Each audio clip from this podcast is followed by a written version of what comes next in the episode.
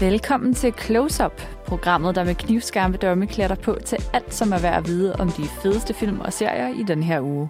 Vi er dine værter, Karoline Ballstrøm og Claus Nygaard Petersen. Hej Karoline. Hej Claus. I dag står jo danskernes tegn, Claus Nygaard Petersen. Det gør den nemlig, Karoline Ballstrøm, fordi vi har to af de største skuespillere i Danmark PT aktuelle. Vi har Sofie Grobbel med biograffilmen Rose, og så har vi Sisse Babette Knudsen, der er alles yndlingspolitiker i Borgen. Og derudover så har vi jo også en Vikings-historie, der øh, jo bestemt har noget med Danmark at gøre. Det har det jo altid. Ja, det må man jo sige. Altså, Vikings var en kæmpe populær serie, der kørte for nogle år siden. Og der kom jo et spin-off, som der skal på alle populære serier. Den hedder Vikings Valhalla. Og den her gang, der, er, der berører vi rigtig meget noget essentielt Danmarks historie, og det er da interessant at se, hvordan øh, Danmarks historien ser ud igennem øh, Netflix-luppen.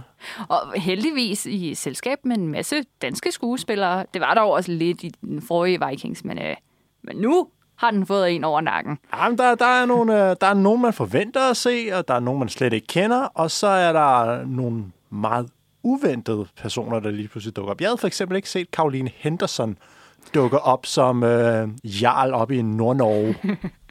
Men før vi kommer alt for godt i gang med Vikings Valhalla på Netflix, så synes jeg, vi skal kaste os over den øh, biografaktuelle Rose med Sofie Grobbel i hovedrollen.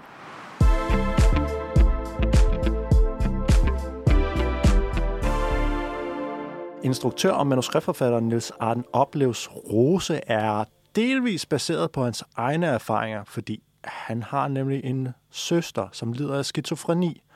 Og det er også det, der er omdrejningspunktet i filmen, fordi Inger, spillet af fantastiske Sofie Grobbel, lider også af skizofreni. Hun har været indlagt det meste af sit liv på et lukket bofællesskab, øh, men nu har hendes søster, spillet af Lene Maria Christensen, og hendes mand, Anders W. Bertelsen, besluttet sig for, at de alle sammen skal en tur til Paris.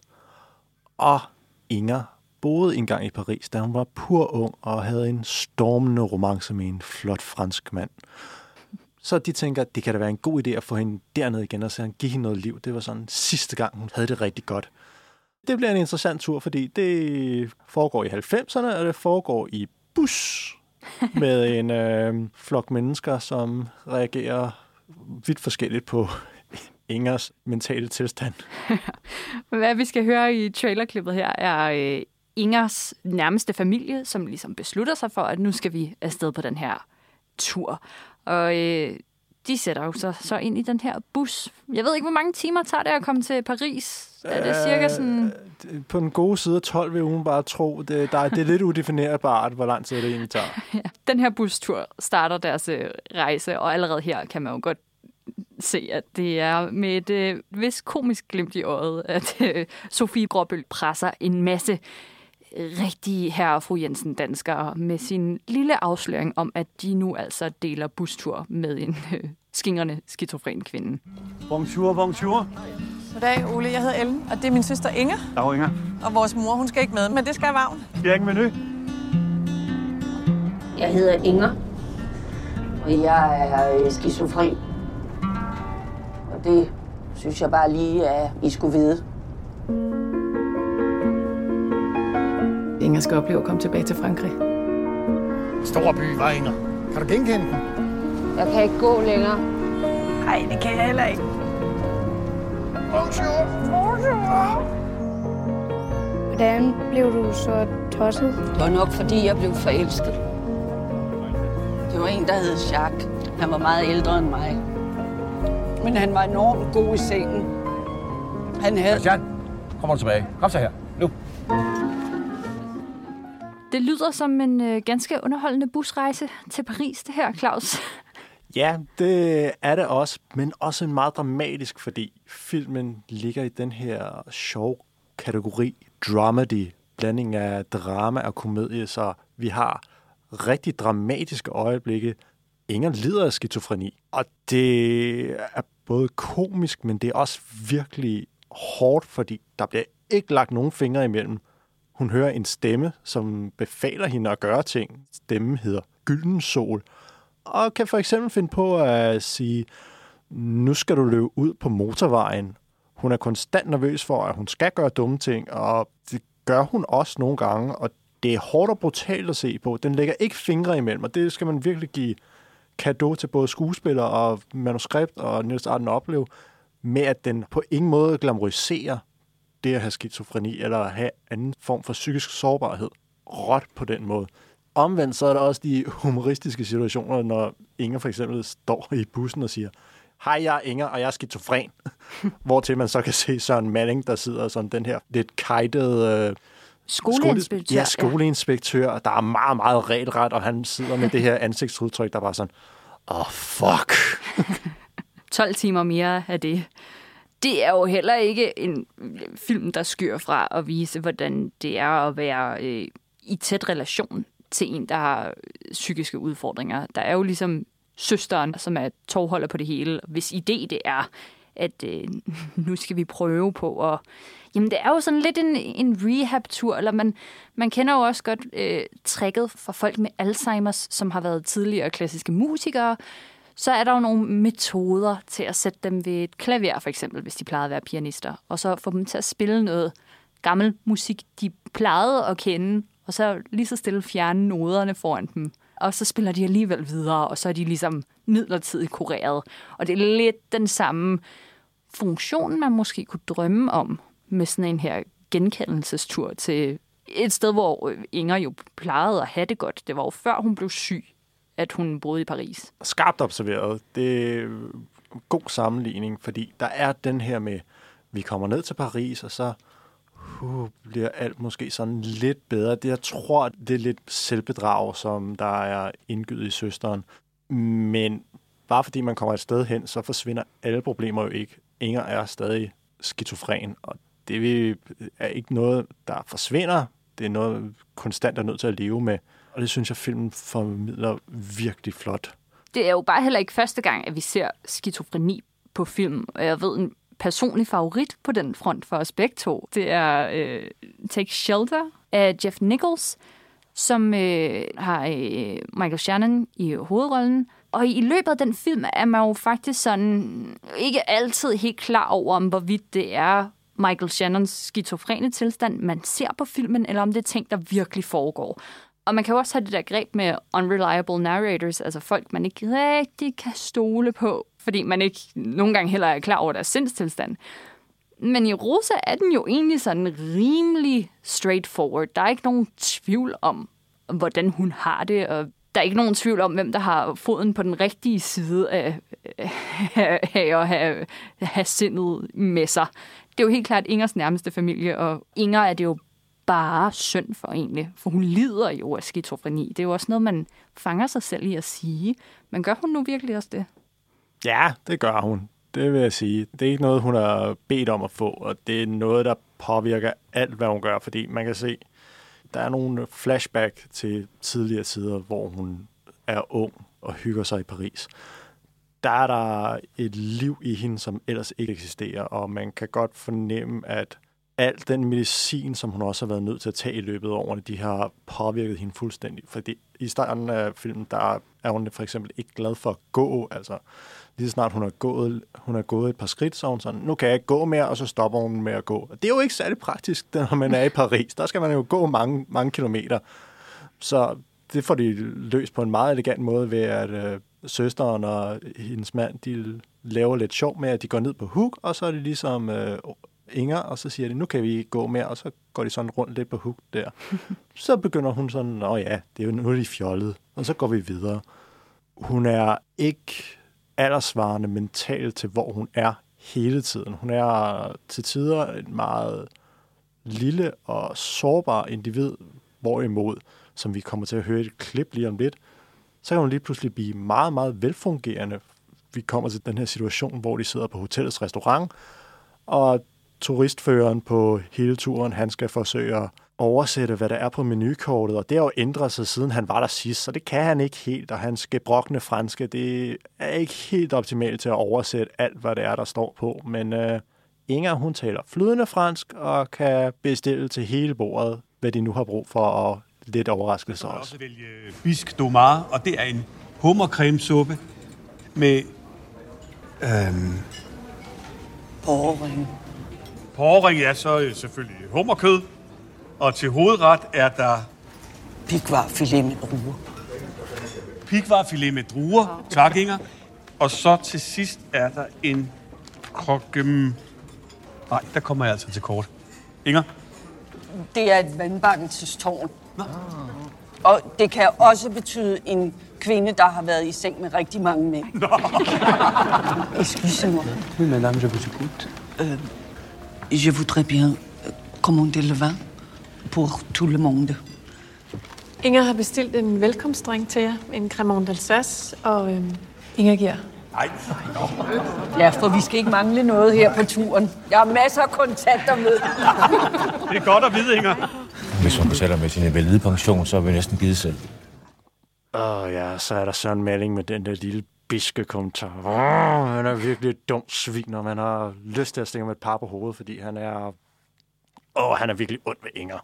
Men lurer mig, om der ikke er en moral et sted i alt det her, at han øh, har sådan en hård, forudindtaget facade, og ligesom alle os andre, der har fornøjelsen af at gå ind og se Rose, så lærer man måske nogle lidt flere nuancer om den her slags mennesker. Det gør man helt klart, og det er den bedste måde, det bliver eksemplificeret på i filmen, det er gennem øh, netop Søren Mallings søn, drengen Christian, som i starten er lidt på afstand af Inger. Det, det er en meget farligt individ, der lige pludselig kommer ind i hans liv. Men der er også den her barnlige nysgerrighed, som gør, at han går udenbart til hende og sådan, hvordan er du? Og så udvikler de et venskab, som på en måde også er med til at bringe Inger op på et stadie, hvor hun er lidt mere velfungerende. Og det er virkelig en øh, flot, rørende, men alligevel afmålt skildring, fordi det går ikke ind og bliver alt for melodramatisk, så man nærmest føler, at man bliver tvunget tårer ud af kroppen. det er respektfuldt, med masser af sjove øjeblikke, og også nogen, der går ind og knurrer lidt i det lille hjerte. Men alt det her, det kan vi jo nærmest også godt tilskrive dagens tema, nemlig store danske personligheder, store danske begivenheder, som er Sofie Gråbøl. Det her var jo ikke gået, hvis ikke hun nok er den dygtigste kvindelige skuespillerinde, vi overhovedet har lige nu. Jamen, det er jo hende, Sisse Babette Knudsen og Trine Dyrholm. Det er sådan de tre Ja. store musketerer, vi har lige i øjeblikket. Jeg har lyst til at kaste med et eller andet. De skulle være sådan en søskende flok, eller sådan. Jeg, jeg ved ikke lige helt, hvad ja. konceptet skulle være, men bare sæt de tre sammen. Og så har de smidt Paprika Sten ind bare for shits and giggles, så uha.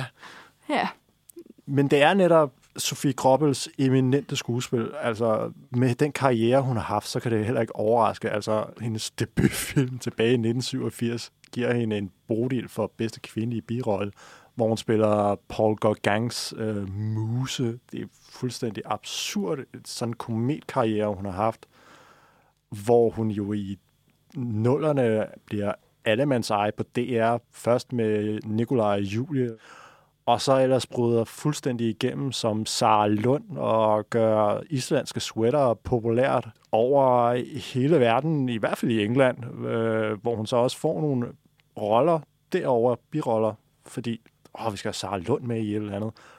Og så dukker hun op her igen, stille og roligt. Det er ikke, fordi hun har haft de vanvittige roller, men jeg lagde virkelig mærke til hende sidste år i øh, Venus-effekten, hvor hun spiller hovedpersonens mor. Hun nailede den dramedy med meget mere komedie-effekt. Perfekt. Og så til den her præstation som Inger i Rose, hvor det er meget fysisk skuespil. Der er meget med, at hun ikke står oprejst på noget tidspunkt. Det er hele tiden så lidt foroverbøjet, eller hænderne lidt øh, bukket, så den gemmer sig lidt på en måde, og stemmeføringen, den er også lidt mere staccato. Det er sådan kolde, nøgne fakta hele tiden. Nu tænker jeg også, Nils Arden oplev, instruktøren af det her, har jo også øh, haft sin del af seriøse emner. Der var, ser du månen, Daniel, om en, en gisselsituation, en virkelig fortælling for nogle år tilbage. Øh, og så har han også lavet mænd, der hedder kvinder, som jo bestemt heller ikke lige er nogen sådan walk in the park. Så det der med at, at takle tunge emner, eller, eller have en vis seriøsitet, der alligevel også er til at holde ud og se på, fordi det kan jo hurtigt bare søbe i tragedie. Øh, der er Sofie Gråbøl, hendes, hendes timing, hun er for vild til at vende på en tallerken. Men jeg tænker faktisk også, at valget af hende som øh, hovedskuespilleren i det her, og, og med det her twist i sin personlighed, altså ikke at jeg skal gøre mig for meget klog på det, men i 2015 fik Sofie Grobbel jo kræft, brystkræft, mm. og var væk i nogle år fra øh, industrien og skulle komme sig. Så det der med at have noget inden i sig, som du ikke har bedt om, og som tager overhånd over dit liv, er måske heller ikke det vildeste stræk for hende at kunne... Altså selvfølgelig er det noget fuldstændig andet, men jeg synes, det er et velovervejet valg også alene bare på den front, at hun forstår om noget det der med at have en tæt familie omkring sig også, som behandler en på en, en anden måde, og at der er noget, der er tabu. Og så med det en mente også, det batter, når hun giver den i rose, ikke?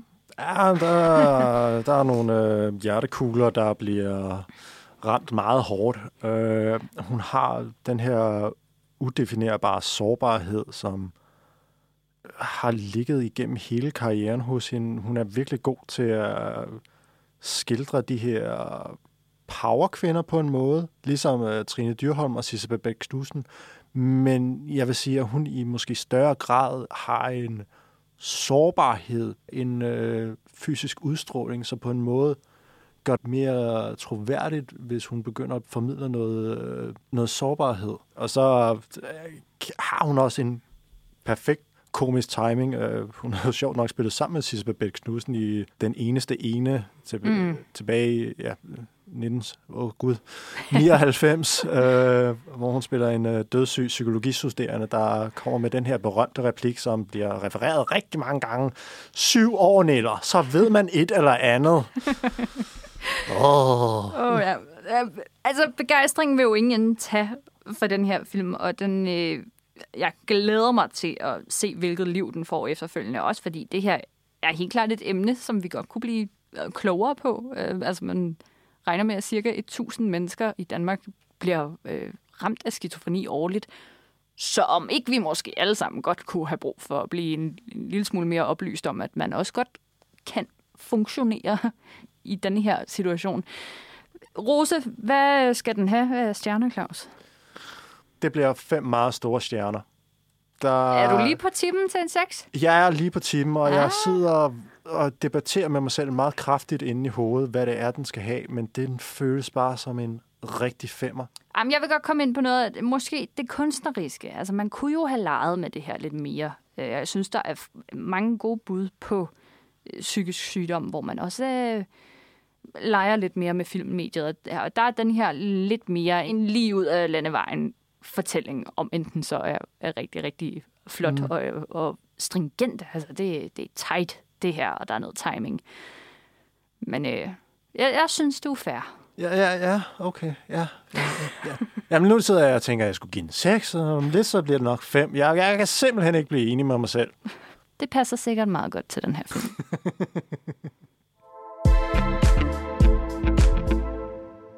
Fra den ene store danske skuespillerinde springer vi nu straks videre til den næste, og vi går til Serieland. Fordi vi skal jo til Borgen sæson 4 nu.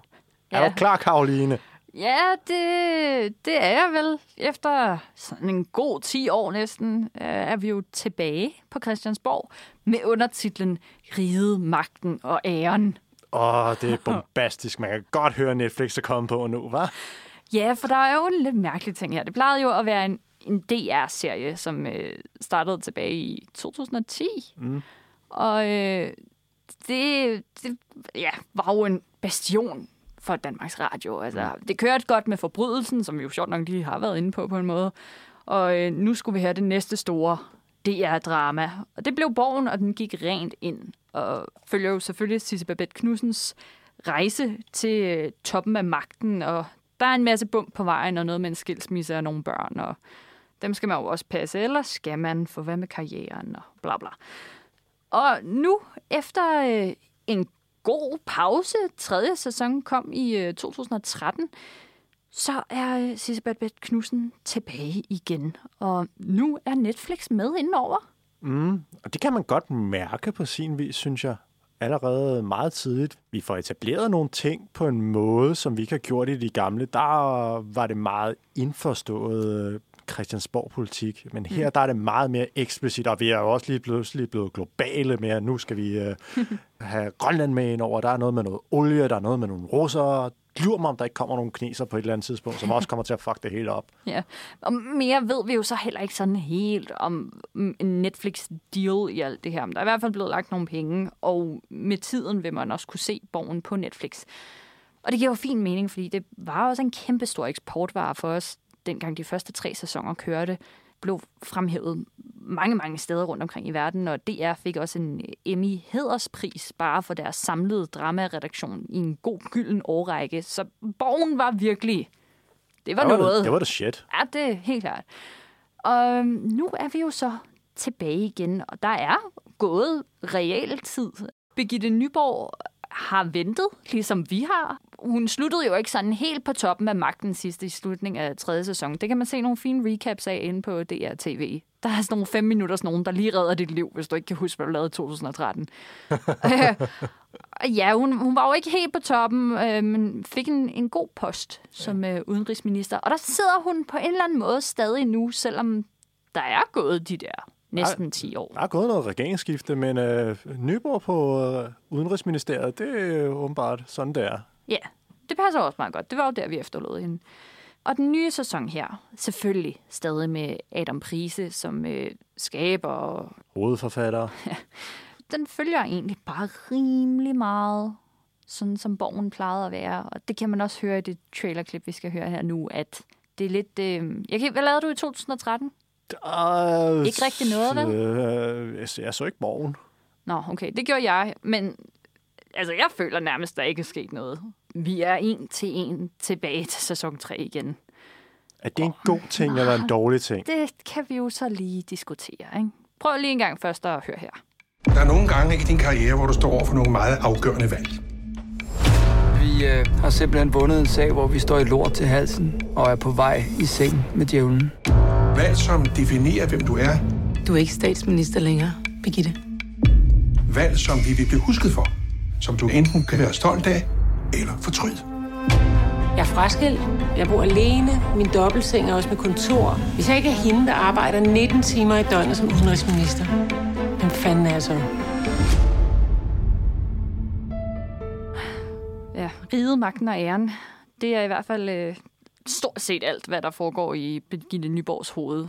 Selvfølgelig rigtig flot spillet af Sissel Babette Knudsen. Hun øh, formår at løse nogle rimelig kajtede replikker på sådan en semi-elegant måde, ikke? Ja, for de er, de er lidt... Øh, det, det, er ikke elegant. Det er ikke den mest elegante pen, øh, Adam han har brugt den her gang til at skrive sine øh, manuskripter. Men det er også sådan lidt... Var det det dengang? Det, det tror jeg egentlig heller ikke rigtigt, det var, men der var måske bare heller ikke så meget andet at se. Altså, i det hele taget, streaming gjorde jo sit store indtog i Danmark i 2012, hvor Netflix kom til verden, øh, som vi kender det nu. Så ja, go figure, at vi alle sammen sad og så borgen. Åbenbart undtagen dig, så... Men jeg sad der troligt. Og jeg synes, at det var the shit.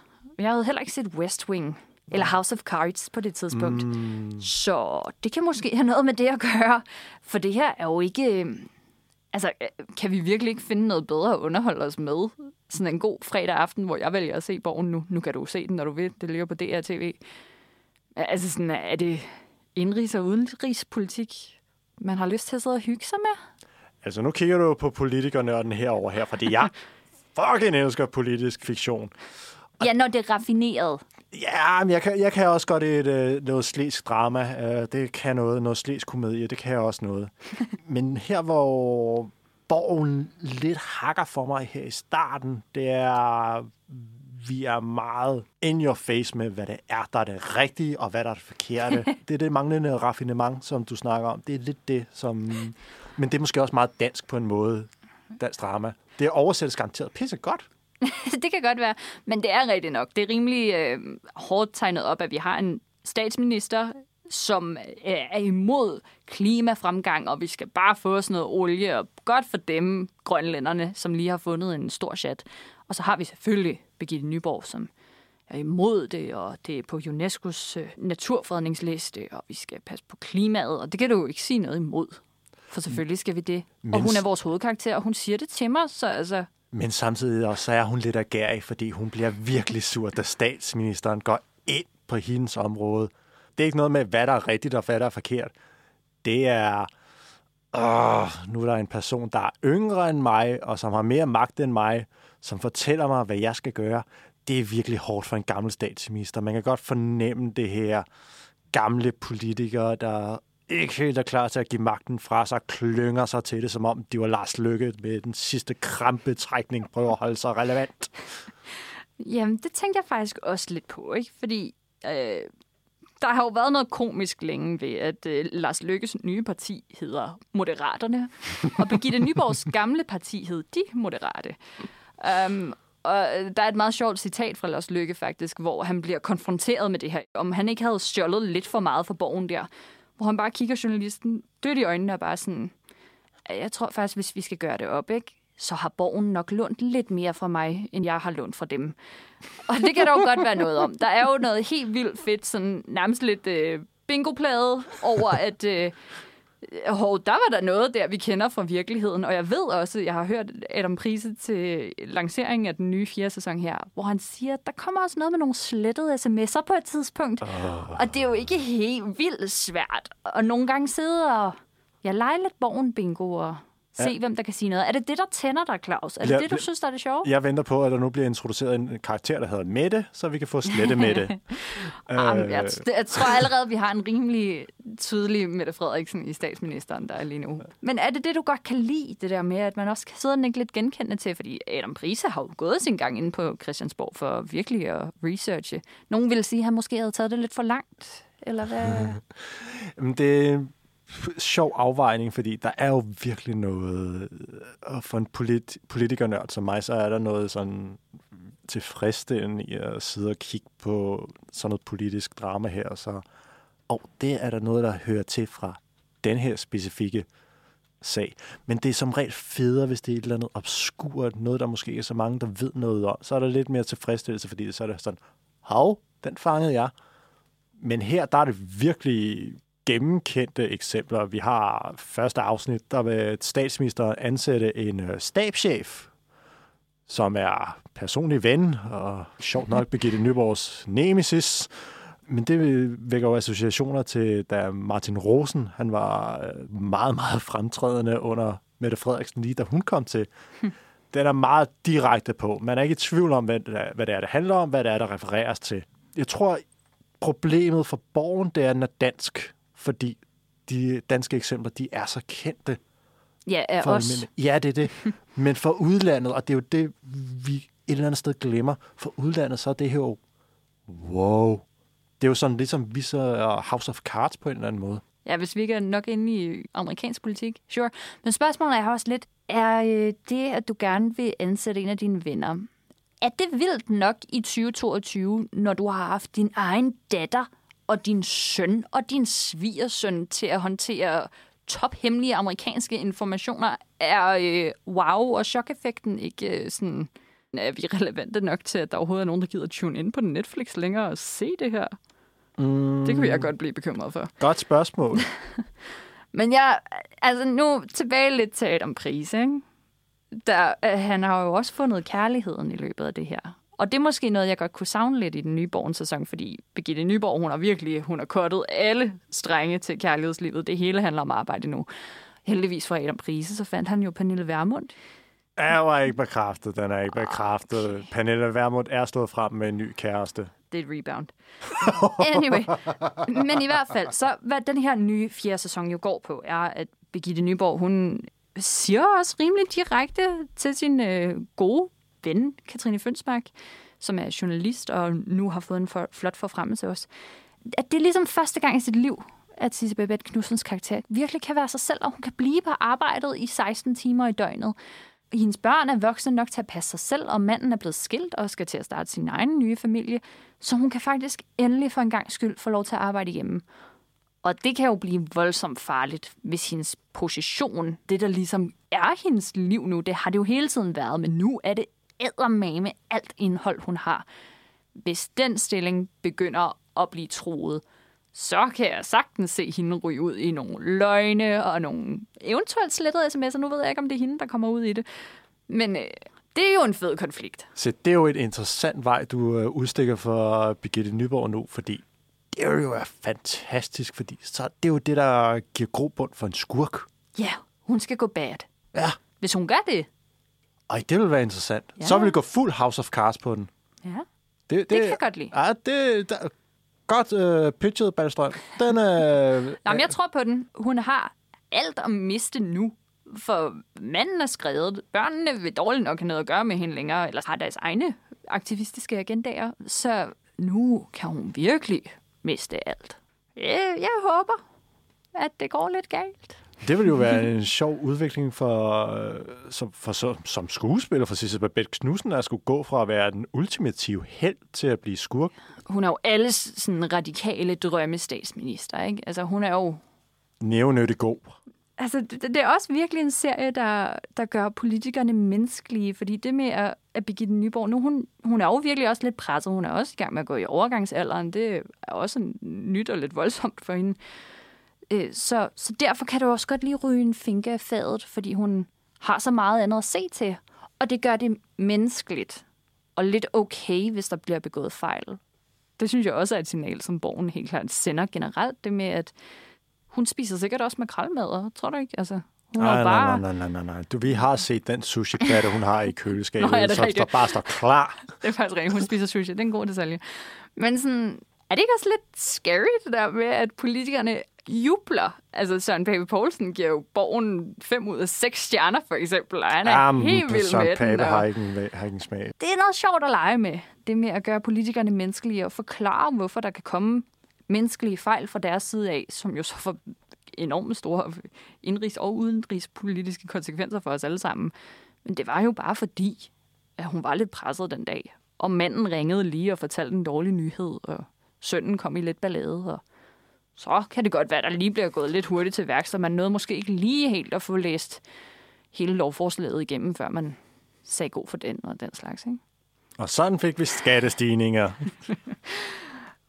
Holder det stadig, Claus?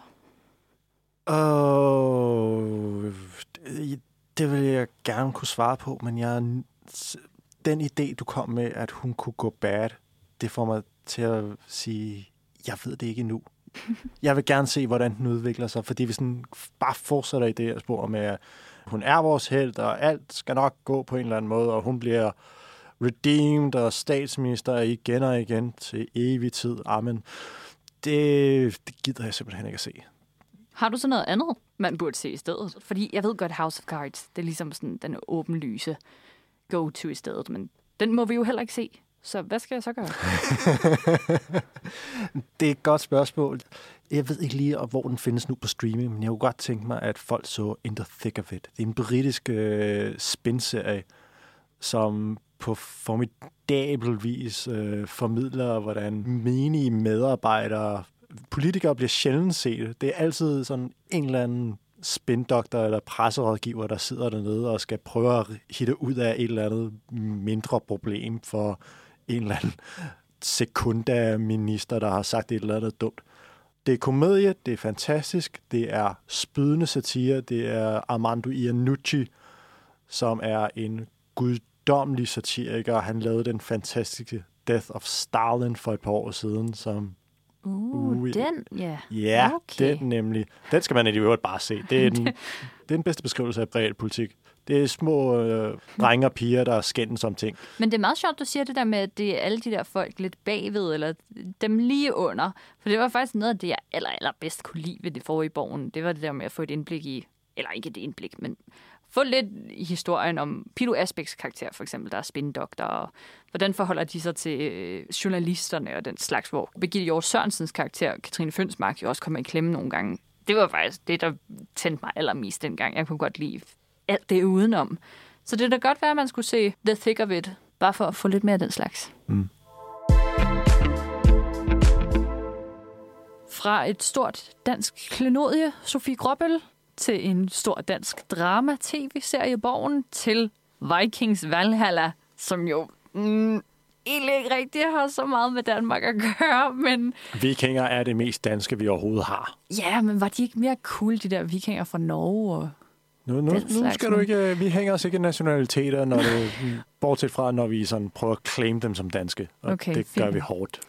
Øh, det kan jo så også godt blive nødvendigt i den her spin-off-serie, Vikings Valhalla, som er en fortsættelse på den meget, meget populære tv-serie Vikings, som kørte fra 2013 og frem til 2020. Og ja, grunden til, at man måske lige skal strække sit danske nationalitetsfornemmelse en lille smule, er, at det Vikings Valhalla handler jo ikke helt kun om Danmark. Der er nemlig også rigtig mange svenske, norske, islandske, grønlandske karakterer ind over, når vi nu fortsætter den her store fortælling om vikingerne. Der er jo ikke så mange bekendte ansigter i den her omgang. Hvis man nu har været tidligere Vikings-fan, så øh, vil man måske have nogle yndlingskarakterer, men dem kan man lige så godt glemme nu, fordi vi er 100 år efter begivenhederne i Vikings.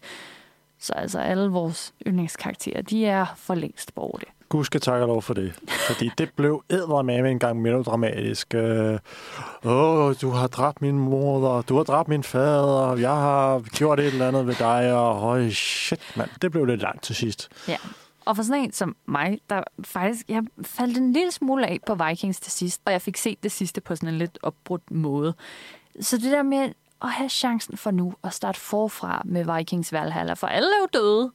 Så jeg kan vel godt starte forfra, kan jeg, Claus?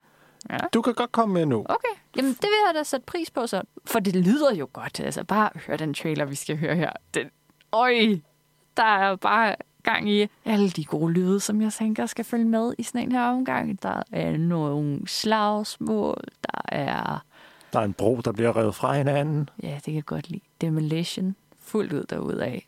Det lyder af mere samme skuffe, men det er det sådan set også nogenlunde. Lad os snakke videre om det lige om lidt. Where are you from? Greenland. I'm Harald Sigurdsson. Why are you in Kattegat? I've come to find someone. Vikings are preparing for an invasion. What do you intend to do? Fight. What do you see in this Greenlander? You're a long way from home, Freydis. I am on a mission to learn my destiny. Train her. Let's go again. 100 år efter den oprindelige Vikings tv-serie har vi jo så nu Vikings Valhalla. Og hvis man kender sin vikingehistorie, Åh. så ved man jo, at vikingetiden, altså sådan cirka, ikke? vi kører fra øh, 800 år efter Kristi fødsel frem til sådan en god midten af år 1050, sådan cirka der omkring var højtiden for vikingerne. Mm. Og der når at ske rigtig, rigtig meget på den her periode. Mit foretrukne vikingetidsalder er sådan i starten 900-tallet. For det er der, vi kører sådan nogle store kosmologiske mytefortællinger, og vi har særligt et digt, der hedder Vølvens Spådom, som jeg er meget glad for. Og det er her, hvor Odin og Thor og Freja og Ydon, de vandrer rundt omkring os, og vi er virkelig i kontakt med de større træk i historien, og vi er en del af de der hugging og Mugins vingeslag. Altså. Og det, det, jeg så ikke så godt kan lide ved Vikings, at vi efterhånden der er vi blevet lidt for veludviklet, fordi Vikings foregår sådan, ja, cirka i år, det er start 1000, ikke? Og der er man altså bare blevet lidt for udviklet til min smag. Men så er det jo godt, at vi i Vikings Valhalla kan tage udgangspunkt, trods alt, i nogle gode basefortællinger alligevel, for det er jo nogle kendte karakterer, som dukker op her. Altså, vi har jo den største danske konge nogensinde, Knud den Store, front and center. Der er nemlig sket det, at kongen i England, han har udryddet alle vikinger, der var derovre. Og det skal jo hævnes. Så hele Vikings Valhalla, det er mere eller mindre bare en krigsserie. Der er otte afsnit, og alt handler om krig. Den er så fokuseret på, hvad det er, den skal fortælle, at der ikke kommer alt det her andet fnader, som øh, den originale serie blev hæmmet af. Den blev vist på amerikansk tv, og der er jo noget med, at så skal afsnittene være på 24 eller sådan noget. Mange afsnit på en sæson. Det er der ikke her. Vi udlønner på Netflix. Otte skarpe episoder. Det er rigtig, rigtig lækkert. Men det kommer der jo også noget af, at man ikke er bundet af, at der skal ligge nogle særlige tv-blokke. Så nogle episoder kan jo godt lige vare fem minutter mere end noget andet. hvis det er det, man har brug for, for lige at få afrundet ting på en ordentlig måde. Det kan man i hvert fald ofte mærke, hvis man skal sige noget positivt om streamingtjenester, der bare ligger det hele ud på en gang, så er det det her med, at der er plads til, at du kan have varierende længde, og sæsonerne er heller ikke så bundet op på, som du siger, at de ligesom skal opfylde nogle kriterier, fordi det skal passe ind i en større sendeplan. Men hvis vi kører den tilbage til den serie, som vi er i gang med nu, Vikings Valhalla. Vores hovedperson, det er også en kendt viking fra historien. Det er nemlig opdageren Amerika. Opdageren af Amerika? Opdageren af Amerika. Nå, Leif det- den Lykkelige. Nå ja, det er rigtigt. Altså, ja. Det er da også rigtigt nok. Det er ikke Columbus. Det er ikke Columbus, nej, det er rigtigt. Er Plus, der var allerede nogen, der var der i forvejen, så jeg ved ikke, om han har opdaget det, men uh, you know, historieskrivning. Leif den Lykkelige. Er han dansker? Nej, i Satans. på en måde, det kommer an på, hvor tungt vi tager rigsfællesskabet, fordi han er fra Grønland i den her udgave. Der er jo blevet ændret lidt, der er blevet dramatiseret lidt i forhold til sådan de faktuelle begivenheder. Så han er fra Grønland, og han kommer til... Åh, alle, der har set Vikings, de hader det her sted. Kattegat, Åh, som nej. åbenbart ligger et eller andet udefineret bare sted i Norge eller Sverige, og er stedet, hvor alle vikinger åbenbart bare skal komme til eller færdes. Det er en eller anden en slags øh, handelsmetropol, hvor folk sejler til og sejler fra og sådan. Virkelig indgangen til landet på en eller anden måde. Det kan gå galt ofte. Han kommer dertil, fordi de er på jagt efter en øh, viking, der har voldtaget hans søster. De skal jo nu have blodhævn. Ja, tak. Men de er så gode øh, skibsfolk, så de kommer før de vikinger, de jagter. så de har sådan en god halv dag til at rende rundt i byen, hvor, well, Leif han ser sådan lidt rundt over det hele. Søsteren øh, forelsker sig i en norsk prins. Der kommer nogle intriger ud fra det. Men endelig kommer de vikinger, som de jagter. Søsteren står gerningsmanden ihjel. Ja, han var en rimelig højtstående viking, så enten så skal hun dø, eller så skal Leif betale gælden tilbage ved at tage med på togt til England sammen med Knud den Store og alle de andre vikinger, som nu skal over og hævne det blodbad, som de satans englænder udsætter os for. Alt det her, det giver jo rig mulighed til at få flexet nogle kostymer, få introduceret en helvedes masse karakterer, og ført noget virkelig fed dialog af. Det er nok det, jeg primært har valgt tidligere også at se Vikings for, så at få så stor en bekræftelse i, at Vikings Valhalla, vi fortsætter i mere af det samme, lyder rigtig godt for mig. Men hvad du også fremhæver en lille smule, Claus, i starten, er, at det her, det er virkelig markant mere fokuseret på krig. Det kan godt være, at vi har nogle intriger indimellem, og der er der også lige lidt romance. Men det er ikke det, der er det alt overskyggende. Og, og det med at få en clean slate er rigtig behageligt, for Vikings kom ud i en masse råd til sidst. Og det var nærmest også lidt som at se en omgang Desperate Housewives til sidst, fordi alle havde sgu et eller andet mod hinanden på kryds og tværs på en eller anden måde, og de kan ikke være efterladt sammen, fordi så, og kan du huske tilbage i sæson 2, hvor og,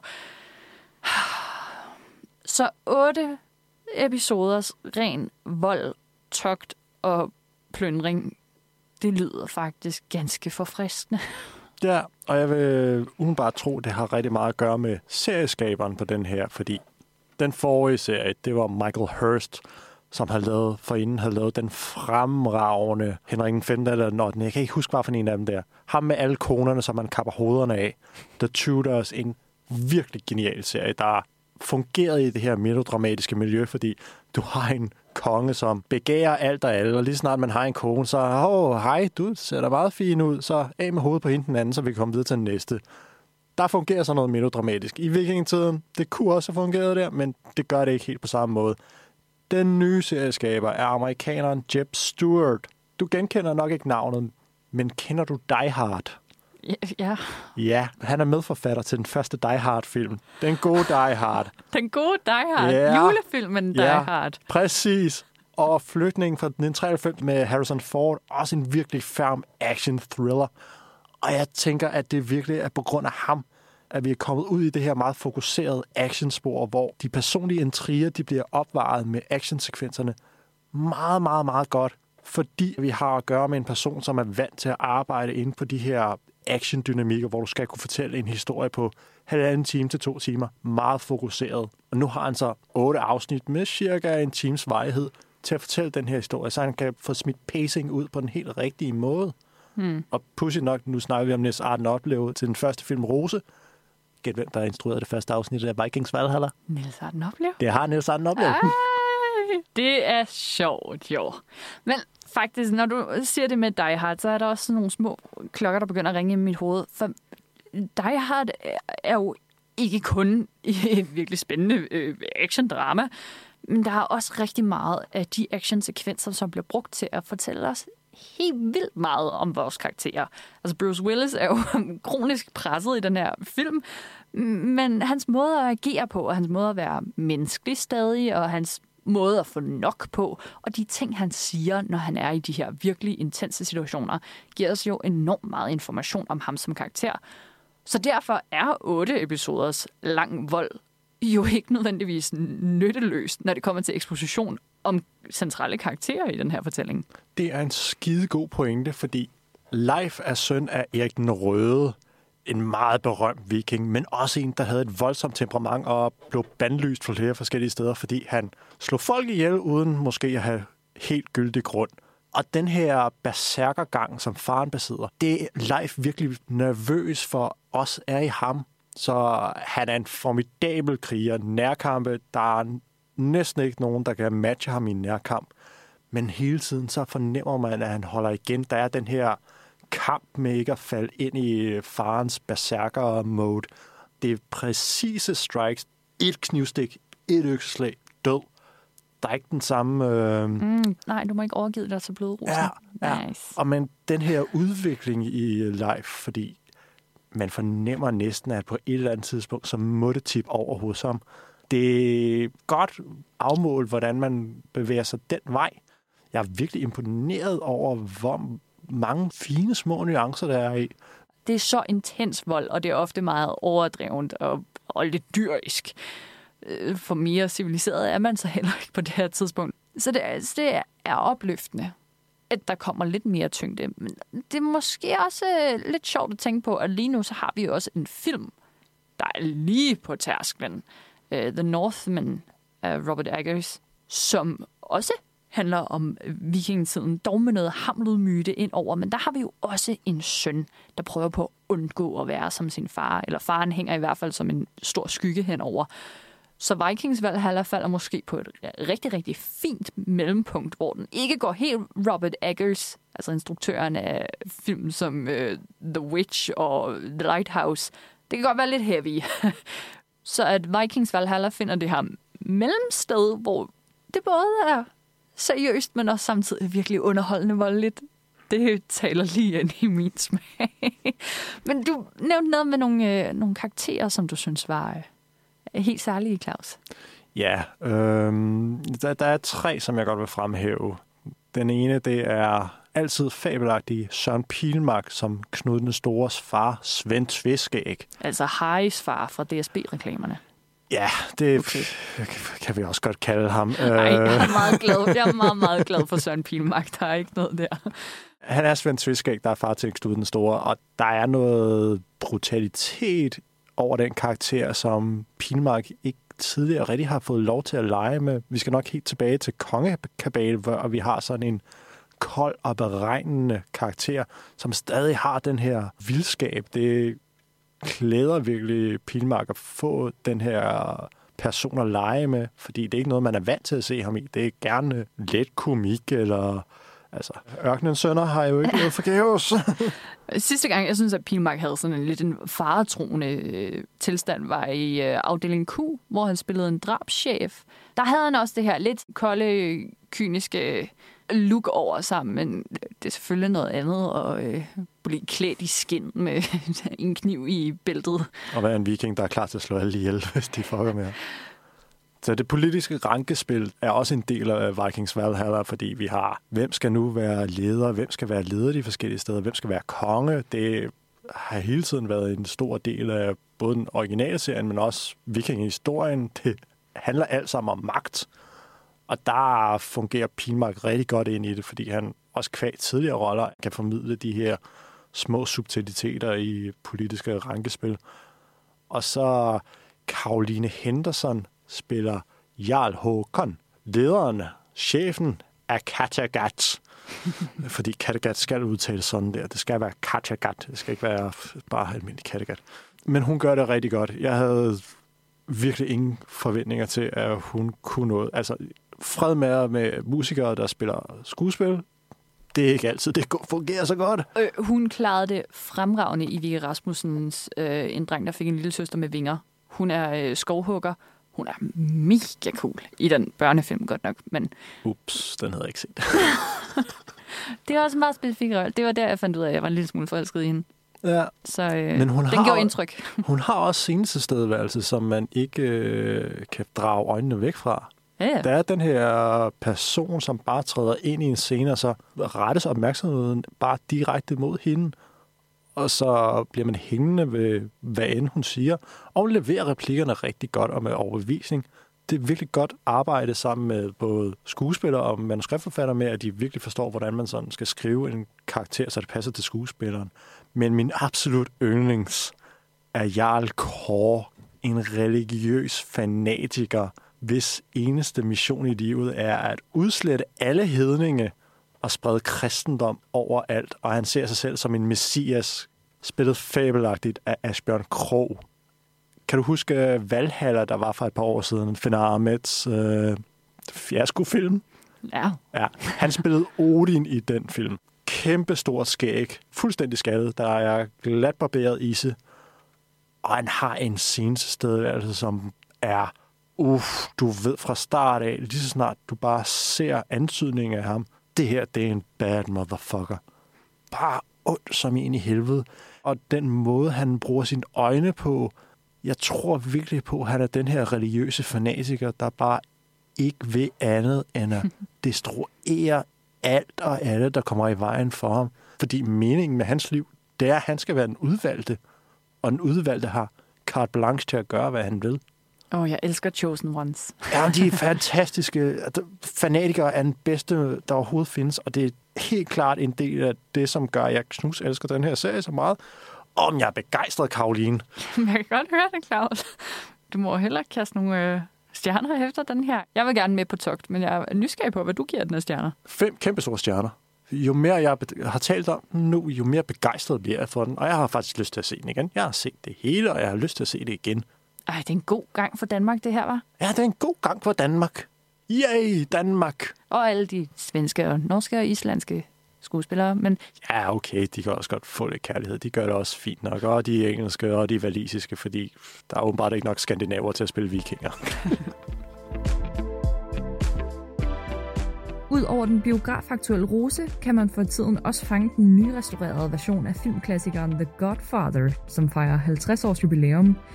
Og de næste to film i rækken kommer også i biografen i løbet af de næste par uger, som opvarmning til den længe ventede tv-serie om The Godfather-filmen. Næste gang ser vi på transformationer, når vi tager et kig på Penelope Cruz i parallelle mødre, og så selvfølgelig The Batman med Robert Pattinson i hovedrollen. Vi lyttes ved.